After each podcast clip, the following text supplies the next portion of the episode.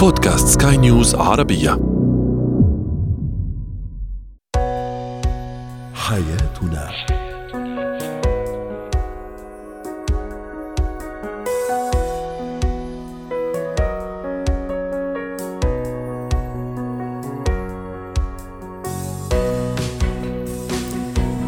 مستمعينا الكرام أهلا بكم معنا إلى حياتنا فضاؤكم اليومي الذي يعنى بشؤون الأسرة وباقي الشؤون الحياتيه الأخرى والذي يمكنكم الاستماع اليه عبر منصات skynewsarabia dot com slash podcast وباقي منصات سكاي نيوز عربيه الأخرى. شاركونا عبر رقم الواتساب 00971 561 88 6223 معي أنا ابتسام العكريمي.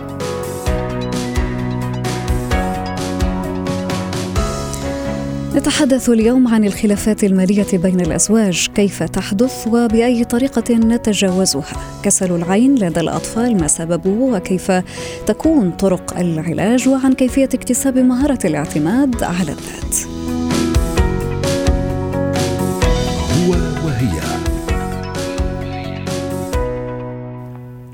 عادة ما تحدث بعض الخلافات بين الشريكين في الحياة اليومية، البعض منها يكون سبب لكيفية إدارة الأمور المالية، والحديث هنا عندما تصبح هذه الإدارة مسؤولية ملقاة على عاتق طرف وحيد من الزوجين. سألنا سؤال تفاعلي مستمعينا الكرام كيف تجاوزتم الخلافات المالية مع شريك الحياة ورحبوا معي بالدكتورة ريما بجاني الاستشارية النفسية والأسرية يسعد أوقاتك دكتورة ريما. إذا هذا هو سؤالنا التفاعلي وبعض التعليقات وردتنا على منصات سكاي نيوز عربية.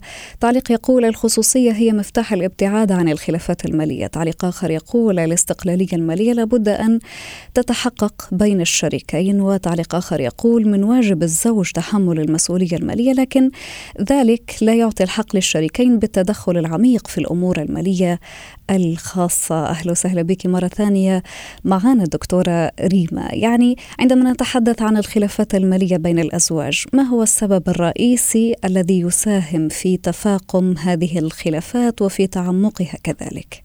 إذا بدنا نحكي عن المشاكل المالية بين الزوجين ضروري نكون عم نروح بالعمق للمشكلة. يعني اليوم بدنا نروح لكل شخص وعلاقته هو شخصيا بالمال. يعني إحنا كنا نقول إن هي علاقة باور علاقة استقلالية مثل ما قالوا بعض الأشخاص بمداخلاتهم. نحن اليوم شو بنقول حياة الزوجية وقت نفوت فيها بنحكي عنها كثير كمان اللي هي شراكة. مش بس شراكة بالأمور الحياتية هي كمان حتى شراكة بالأمور المالية. يعني نحن اليوم قد عندنا هيدا الوعي يكون أنا عم بعرف في نفس الوقت أنا اليوم شريكة يعني أنا وياه ماشيين بهيدي الحياة لأنه نحن نكون عم نقوم بأمورنا المالية. ان كان بحاجة أو لا لأنه هون كمان إذا بدك عندك بارانتيز جديدة افتح لين جديد وقول يمكن بحاجة يكون الرجل والمراه عم بيشاركوا ماديا بمصاريف البيت. ما رح أتطرق كثير للمواضيع كلها لأنه فينا نفتح كذا موضوع من هذا من هيدي النقطة إنه موضوع كثير مهم. نروح على النقطة الأساسية. اليوم الشراكة بين الزوجين هي شراكة مالية تربية آه، حياة اجتماعية اكسترا في جميع نواحي الحياة يعني. بجميع نواحي الحياة، مشان هيك نحن اليوم من الأمور المالية اللي هي أساسية ليش؟ إنه بتفوت إذا بدك بطريقة مباشرة بطريقة تعاطينا مع الشريك اللي هي فيها تسبب لي مشاكل مثل ما نحن عم نطرح اليوم الموضوع، من هالمنطلق نحن شو بنقول؟ أول شيء الإنسان هو بده يكون عنده الوعي، يعني من بين إنه أنا اليوم بدي أكون عم بتشارك بنفس الوقت أكيد في عندي بعض من هالاستقلالية، يعني نحن اليوم يمكن وحدة من المشاكل اللي بقولها وقت يحس الشخص إن كان الرجل أو الأمرأة، مع إنه أكيد المداخلات قالوا إنه الرجل هي مسؤوليته الصرف بالبيت هذا موضوع بنناقشه لكن هذا أيضا لا يعطي الحق للشريك الآخر بالتدخل العميق في الأمور المالية. ولا. هنا دكتورة ريما دعيني لو سمحتي يعني أعلق على بعض الكلمات التي لفتتنا في التعليقات التي وردتنا على منصات سكاي نيوز عربية. يعني الخصوصية لدينا أيضا الاستقلالية المالية. كيف نصل إلى تحقيق هاتين النقطتين الأساسيتين في مؤسسة الزواج. نحن اليوم عم نحكي عن شريكين إن كانوا اثنيناتهم عم يشتغلوا أو لا أو مرتاحين ماديا أو لا أو الزوج اللي هو البروفايدر هو اللي عم بيأمن المصروف والزوجه لا عايشين نمط حياة مرتاحين فيه كثير يعني في عندي كذا إذا بدك معطى أقدر أحكي عنه. إذا بدي أحكي عن الاستقلالية وعن كيف اليوم نقدر ندير أمورنا بالمصاريف ما في أحكي من دون ما كنا عم بحكي مين ال provider مين عم بيأمن شو المتطلبات بالحياة؟ هلا نحن اليوم شو بقول؟ كمان من انطلاق أنا اليوم ما يمكن فوت بعمق آه، المشاكل المالية.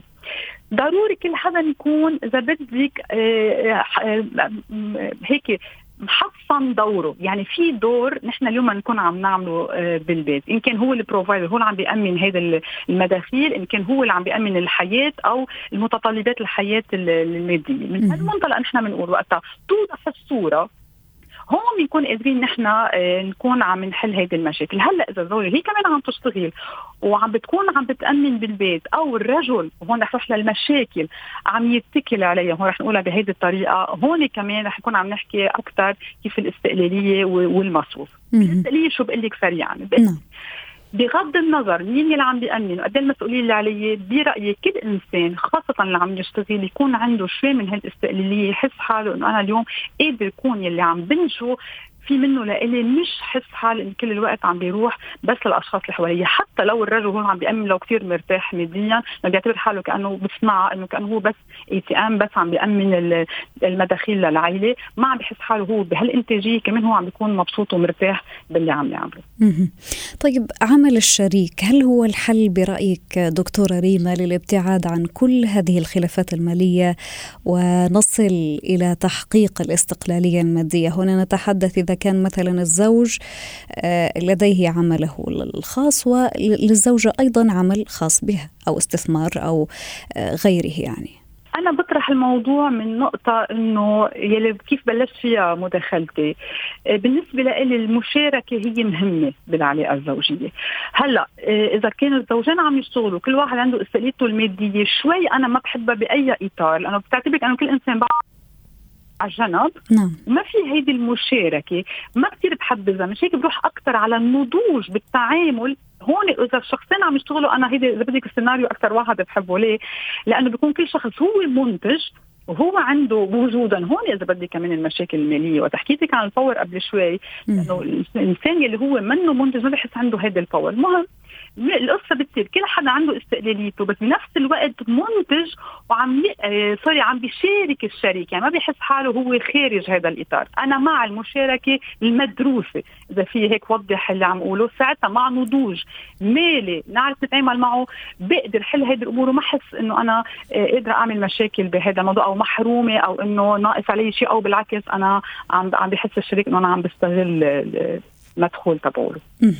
طيب المشاركة المدروسة كما تفضلتي حضرتك بالحديث منذ قليل كيف نستطيع أن نصل إليها خاصة إذا كان الشريك آه، يعني خلينا نحكي إذا كان الشريكين آه، بشكل عام يعني آه، هما من يحصلان المداخيل وهما مثل أنه شريكين في الحياة أيضا شريكين في كافة الأمور المادية في المنزل. voilà هون رح نروح بمعنى وقت حكينا قبل شوي عن الدور ضروري نقسم الأدوار. يعني بعدنا إلى حد ما وهون قلت لك رح أرجع لها إنه الرجل يعتبر هو the main provider يعني هو الشخصية الأساسية يلي لازم تكون عم بتأمن الطبابة العلم المأكل يعني الأمور الأساسية بالحياة. عم ناخذها أكيد بسيستم جنرال يعني بالإجمال هيك المفروض. هون الرجل عم بيقوم بدوره المرأة تنقول هي كمان بتشتغل آه، آه، عم بتكون عم بتشارك حتى ببعض هيدي الأمور لأنه هي عدالة تكون عم تعمل هيدي الشغلة مش لأنه هي مضطرة تكون عم تعملها.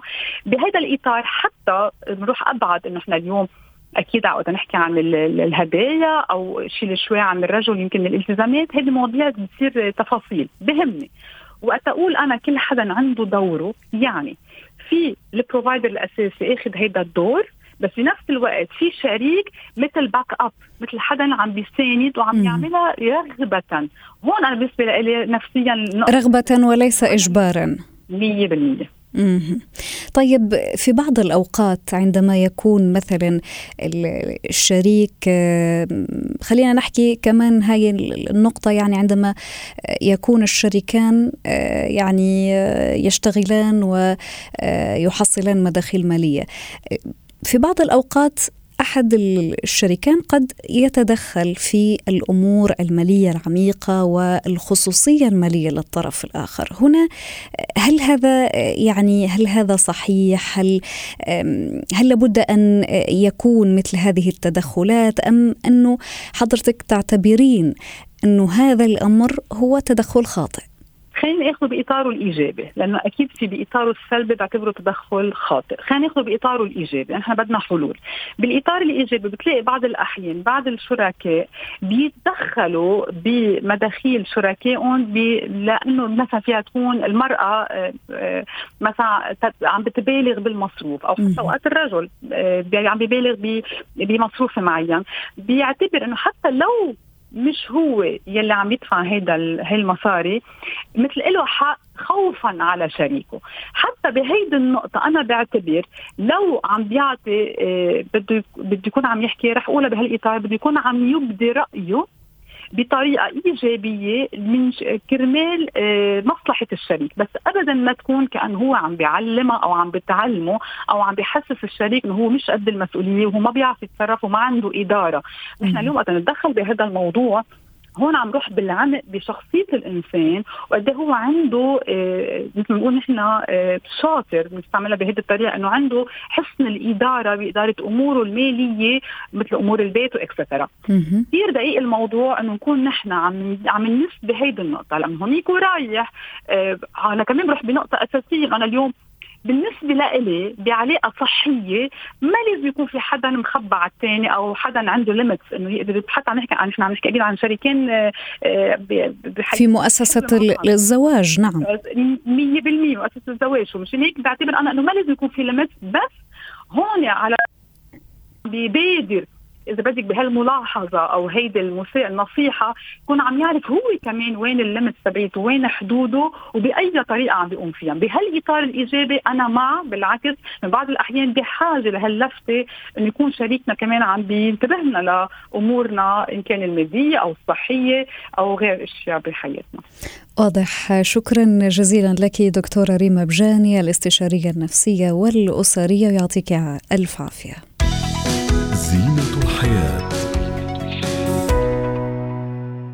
ضعف البصر في العيون الخاصة بالأطفال. هنا نتحدث تحديدا عن الأطفال. قد تكون أسباب كثيرة مجتمعة في التسبب بضعف البصر. لعل من هذه الأسباب كسل العين. رحبوا معي مستمعينا الكرام بضيفنا العزيز دكتور أحمد الخشاب استشاري طب وجراحة العيون. مساء الخير دكتور. ما هو كسل العين لدى الأطفال؟ وكيف أعرف أن طفلي يعاني منه؟ كسر العين زي ما حضرتك شرحتي هو ضعف الإبصار في إحدى العينين آه، ويتم اكتشافه من الطفوله لكن إحنا آه، في بعض الأحيان للأسف بنكتشف كسل العين متأخرا جدا آه، بعد عمر الطفولة وبعد العمر المناسب للعلاج من أمراض العين أو كسل العين خاصة. كسل العين هو بيبقى له بعض الأسباب منها ضعف في حده الإبصار أو العيوب الانكسارية في العين بإحدى العينين أكثر من الأخرى وعادة بيبقى مصاحب لطول الإبصار أو طول النظر. آه، في بعض الأحيان لما يكون ضعف النظر شديد مع قصر النظر ممكن برضو ده يؤدي إلى آه، كسل العين. في بعض الأحيان نعم. كسل العين بيبقى بسببه تغير في الوظيفه بتاعت عضلات العين فبيحصل نوع من أنواع الحول آه، الخارجي أو الداخلي. وهذا يعالج دكتور أحمد خاصة عندما يتحول إلى الحول؟ كل ده بيتم علاجه بس هو أهم حاجة اللي إحنا عاوزين نأكد عليها هو الاكتشاف المبكر. إحنا دايما بننصح آه، الأهالي جميعا بالكشف المبكر على الأطفال آه، حتى بدون أعراض بدون أي مشاكل المفروض إنه في أول آه، ست شهور من بعد الولادة المفروض ان هو يتم فحص العين للتأكد من ان وظيفة العين سليمة إنه ما يكونش فيه أي مشاكل في العين لا قدر الله تمام. وثم المتابعة الدورية لو ما فيش أي أعراض يعني تخلينا إن إحنا نعمل أي تدخل سواء تدخل طبي أو تدخل جراحي. آه كل ست شهور في أول آه ست سنوات من عمر الطفل. ده بيخلينا بيقينا من إن إحنا نكتشف مشاكل متأخرين أو ما يبقاش العلاج مناسب في الوقت ده. في علاجات آه طبعا في علاجات لكل الأسباب المؤدية إلى كسل العين. قبل التطرق إلى آه، طرق العلاج. دعنا نعلم من حضرتك يعني أنا كيف أعرف إنه طفلي يعاني من كسر العين؟ هل من علامات تظهر مثلا على العين أثناء القيام من النوم أو طول اليوم حتى؟ طبعا إحنا لو اكتشفنا كسل العين آه، مبكرا هنقدر نعالجه.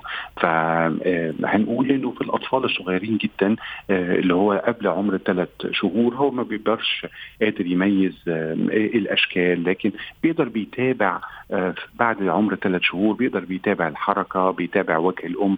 فلو لقينا إنه في عدم متابعة بإحدى العينين أو بالاثنين للرؤية ده بيبقى عامل بنحتاج إن إحنا نكتشفه مبكرا. لكن لا إحنا بنتكلم على الأطفال الأكبر في العمر شوية. لو لقينا إنه الطفل بيقرب كتير قوي من التلفزيون أو عايز يشوف حاجة بيبقى قريب منها بشكل آه، كبير أو في تكرار لحركة العين أو غلق آه، العين علشان يقدر يميز الأشكال بشكل آه، أحسن. فدي كلها عوامل أو مظاهر بتدينا انطباع إنه الطفل يعاني من بعض الضعف في العين. الضعف ده ممكن يبقى فقط جفاف في العين. إحنا دايما آه، لازم إن إحنا ناخد أي عرض بجدية عشان نقدر نكتشف المشكلة. جميل. جميل جدا. نأتي لطرق العلاج باختصار دكتور أحمد لو سمحت. اولا العلاج الاكتشاف المبكر. لو لقينا إنه في كسل في إحدى العينين بيتم غلق العين الأخرى اللي هي العين السليمة لفترات محددة علشان نقدر نستعيد الإبصار أو حده الإبصار في العين آه، يعني اللي فيها نوع من أنواع الضعف. طبعا ده مع استخدام العلاج لعيوب الانكسار زي النظارة الطبية أو زي العدسات اللاصقه بعض الأحيان إحنا دلوقتي عندنا في طرق علاج حديثة جدا ومتقدمة آه، منها ال VR أو اللي هو الألعاب الإلكترونية المخصصة لعلاج حول العين أو لعلاج الكسل في العين. ففي مش بس الأساليب التقليدية اللي إحنا كنا أطفالنا بيعانوا منها اللي هي غلق العين والطفل يبكي بالعكس ده إحنا ممكن دلوقتي يبقى في نوع من أنواع آه، الألعاب المسلية جدا للطفل تقدر تخلي في تنشيط للعين الضعيفة. جميل. العضلات بتاعت العين آه، لو بيحتاج آه، لعلاج بالنظارة الطبية أو في بعض الأحيان التدخل المبكر لعلاج العضلات بتاعت العين عن طريق الجراحة اللي بتجيب نتائج أكثر من ممتازة على المدى الطويل. جميل جدا شكرا جزيلا لك دكتور أحمد الخشاب استشاري طب وجراحة العيون. مهارات من البديهي أن يبحث المرء عن أساليب يستطيع من خلالها أن ينمي من من مهاراته وأن يكتسب الثقة بنفسه للاعتماد عليها دون أحد سواها في حلحلة كافة المشاكل والمصاعب. معنا ضيفتنا العزيزة أستاذة فاتن سلامة مدربة مهارات الحياة يسعد أوقاتك أستاذة فاتن كيف أكتسب مهارة الاعتماد على الذات؟ مهارة الاعتماد على الذات بتبدأ من من أما يخلق الطفل من لما أخلق أنا وأنا عمري سنة آه المفروض إن أنا ببدأ أكتسب هذه المهارة. ولكن في أخطاء بتقع فيها معظم الأمهات وخصوصا الفترة الحالية بتطلع لنا آه أطفال هم يفتقروا لمعنى الاعتماد على النفس. بداية من يعني بداية من الرضاعة إن الطفل مثلا يعتمد على إن هو معاه مثلا الرضاعة الصناعي فبيبقى مش عايز يعتمد على الرضاعه الطبيعيه آه، بداية من فكرة إن هو حتى ال nappy change أو ال toilet training بيكون الطفل آه، بطيء جدا في فكرة إن هو يكتسب هذه المهارة. فكرة إن الطفل يحاول إن هو يمشي مثلا فالأم بتبقى خايفة عليه مثلا إن هو يقع أو كذا فبتخلي العضلات عنده ضعيفة فبتتأخر عنده مهارة المشي. كل دي فكرة الاعتماد على الذات واللي إحنا بنلخص التعريف بتاعها فكرة إن أنا بعتمد على مجهودي وقدراتي ومصادري في الوصول لهدف أو شيء معين. سواء كنت طفل زي ما قلت إنها بتبدأ من الطفولة عشان أنا أكتسب هذه المهارة أو إن أنا فقدت إن أنا مثلا ما اتعلمتش هذه المهارة في مرحلة مبكرة من العمر فبالتالي دلوقتي أنا عايزة أتعلمها فيمكن إن أنا أكتسب هذه المهارة ولكن the early the better. يعني لو أنا اكتسبتها وأنا أصغر بيكون عندي ثقة بيكون عندي. قوة في الشخصية. حتتواصل مع ال- المرء. طيب البعض قد يكون لديه مثلا خوف من عدم القدرة على القيام ببعض الأمور التي يتوجب عليه أن ينهيها. البعض الآخر يكون موضوع التعود أنه دائما هناك شخص آه، يعني يقف إلى جانبي أو إلى جانبه. هنا كيف بإمكاني أن أعود آه، إلى آه، يعني هذه المرحلة. مرحلة أني آه، أعتمد على نفسي علشان أنجز كافة أموري. كيف بإمكاني أن أعود نفسي على الاعتماد علي أنا دون سواي أستاذة فاتن؟ ابتسام أنا عاجبني جدا السؤال ده لأن انت يعني حطيتي نقطتين مهمتين جدا وهي الخوف والتعود. وسريعا جدا عشان نثبت للناس علميا إن مارتن سليجمان مؤسس علم النفس الإيجابي اختصر سؤالنا ده في حاجة اسمها نظرية العجز المكتسب. يعني أي حاجة أنا مش عارفة أعملها أنا مكتسباها. وشرحها ببساطة جدا إن أنا لو عندي حيوان في بيتي وليكن كلب. هو. صغير جدا وأنا ربطته بحبل عشان ما يخرجش يطلع بره أو يهرب مني أو أو أو. الكلب ده لما بيكبر بيكون قوته أكبر من قوة الحبل ولكن هو تعود إن هو مربوط في الحبل وبالتالي مش هيحاول إن هو يهرب مع إن قوته أقوى. لو هو لو هو اتحرك هيمشي لأن هو أقوى من من من الحبل ده أو الرباط اللي هو مربوط فيه. فبالتالي أي حاجة أنا مش قادرة أعملها تكون نابعة من خوف أو تعود على إن أنا ما بعملش ده. طب إزاي أتغلب على ده إجابة لسؤالك. أول حاجة لازم أعرف نفسي وأعرفها بصدق. أعرف إيه هي نقاط قوتي وإن أنا أتمرن وإن أنا أزودها كمان وأعرف إيه هي نقاط ضعفي. ولازم أكون صادق مع نفسي في اختبارات في الاختبارات الشخصية علشان الصدق هو اللي هيعرفني أنا بحب إيه وأنا عايز إيه. جميل جدا. لازم أفكر بشكل اتفضلي. جميل جدا. يعني دائما موضوع إني أتعرف على نفسي لأكتشفها هذا جزء يساعد الإنسان ويساعد المرء على مهارة الاعتماد على الذات. طبعا لأن أنت كمان يعني معرفتك بنفسك هتؤدي إن أنت هتحترمي نفسك أكثر وبالتالي هتعتمدي عليها أكثر. الشيء الثاني إن أنا لازم أفكر بشكل مستقل وخصوصا في اتخاذي للقرارات الخاصة. أنا باخد قرار خاص بيا وخاص بحياتي مش مش مجلس شعب مش لازم الناس كلها تعرف. لازم ال social media كلها تعرف. آه، آه، الحاجة الحاجة الثالثه المحاولة حتى وإن اخفقت.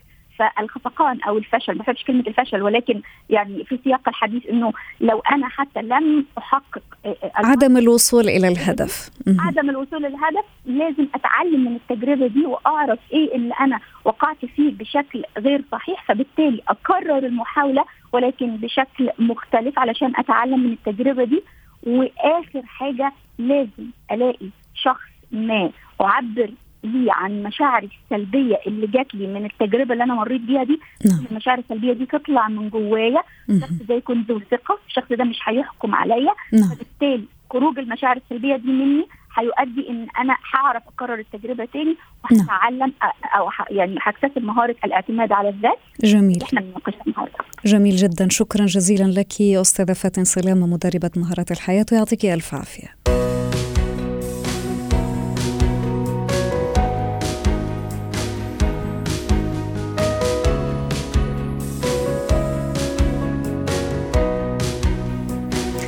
ختام حلقة اليوم من برنامج حياتنا. شكرا لكم على طيب الإصغاء